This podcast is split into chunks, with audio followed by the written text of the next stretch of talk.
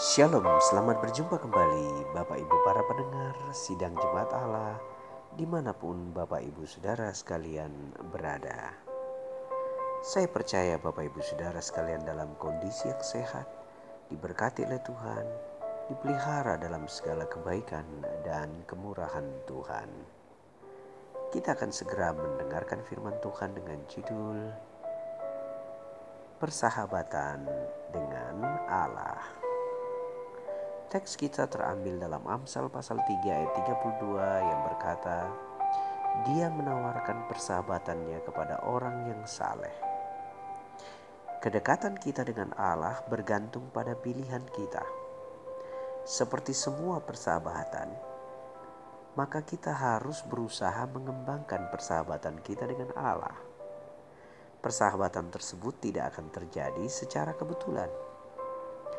Dibutuhkan adanya kerinduan, adanya waktu, dan tenaga kita. Jika kita menginginkan hubungan yang lebih dalam dan lebih akrab dengan Allah, kita harus belajar untuk dengan jujur menyampaikan perasaan-perasaan kita kepadanya. Mempercayai Dia ketika Dia meminta kita melakukan sesuatu belajar untuk peduli pada apa yang dia peduli, dan merindukan persahabatannya lebih dari apa pun juga. Nah, Bapak Ibu para pendengar yang kasih Tuhan, kunci persahabatan dengan Allah adalah saya harus memilih untuk jujur terhadap Allah.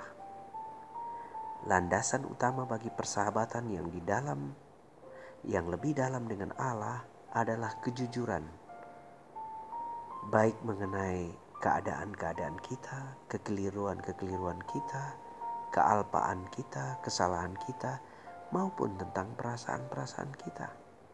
Allah tidak mengharapkan kita untuk sempurna, tetapi Dia sungguh-sungguh menekankan kejujuran kita sepenuhnya kepada Dia. Tidak ada satupun dari sahabat-sahabat Allah di dalam Alkitab yang sempurna jika kesempurnaan adalah persyaratannya untuk bisa menjadi sahabat Allah, maka kita tidak akan pernah mampu menjadi sahabat-sahabatnya. Puji Tuhan, karena kasih karunia Allah, Yesus tetap sahabat orang berdosa. Di dalam Alkitab, sahabat-sahabat Allah jujur mengenai perasaan mereka. Dengan sering kali ada yang mengeluh, ada mungkin menuduh, mengkritik, berargumentasi dengan Sang Pencipta. Mungkin bertanya, mungkin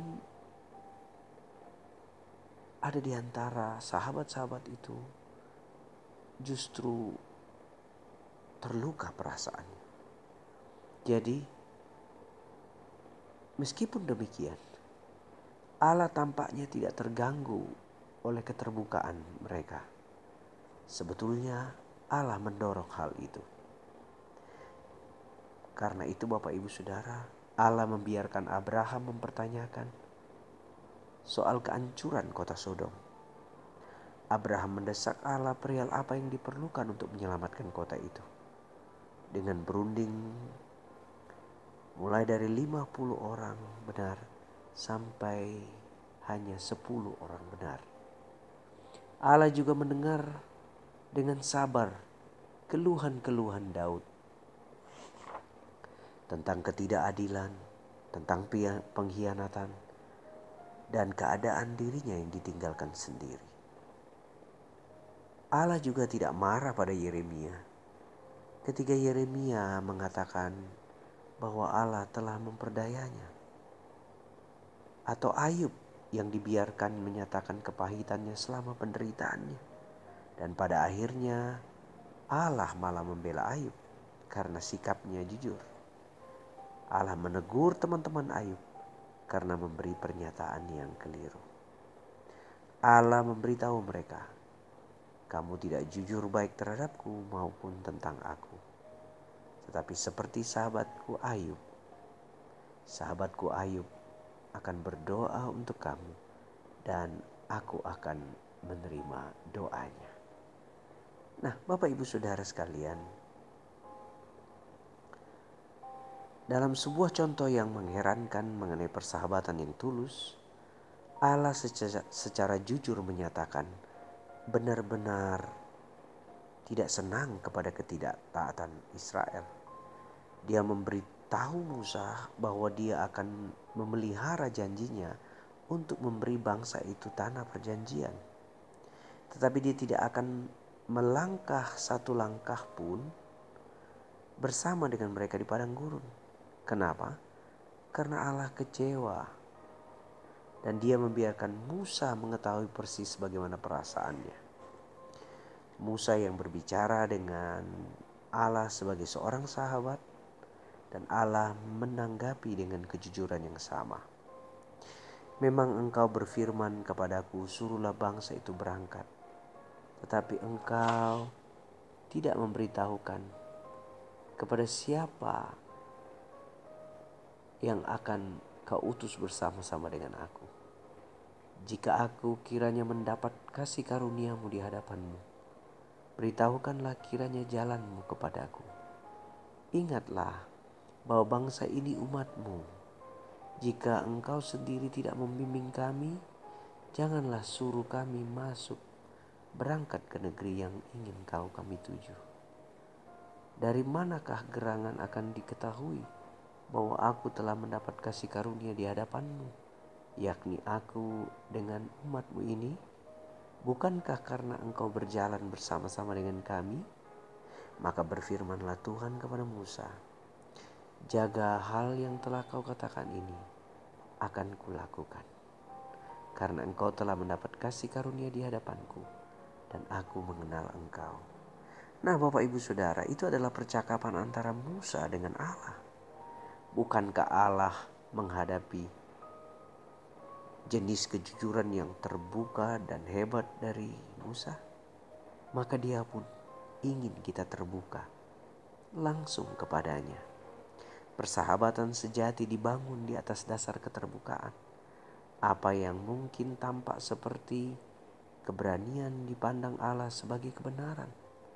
Allah mendengar kata-kata yang sungguh-sungguh dari sahabat-sahabatnya Nah, karena itu Bapak Ibu Saudara sekalian, mari sampaikan kerinduan kita kepada Allah, perasaan kita kepada Allah, tekanan kita kepada Allah, bahkan luka serta pahit yang mungkin sedang kita alami terhadap suatu masalah, terhadap sebuah pergumulan, terhadap sakit penyakit yang mungkin sedang kita hadapi. Terbukalah kepada Allah. Katakanlah dengan jujur. Toh dia mengetahui isi hati kita. Dia tahu kerinduan kita. Nah Bapak Ibu Saudara sekalian. Selamat menjadi sahabat Allah. Janganlah pernah takut terbuka padanya. Ingatlah bahwa Allah lebih mudah dihampiri daripada hanya sekedar seorang teman. Teman belum tentu dapat dipegang perkataannya. Tetapi Allah dapat dipegang janji, dan dapat dipercayai. Mungkin kita tidak melihatnya secara kasat mata, tetapi dia ada menyertai kita. Karena itu Bapak Ibu Saudara sekalian, hari ini pergunakanlah kesempatan untuk menjadi sahabat Allah.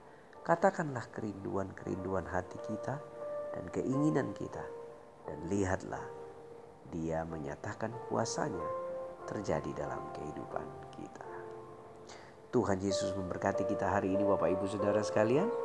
Terimalah berkat sehat, kuat dan panjang umur dan Shalom.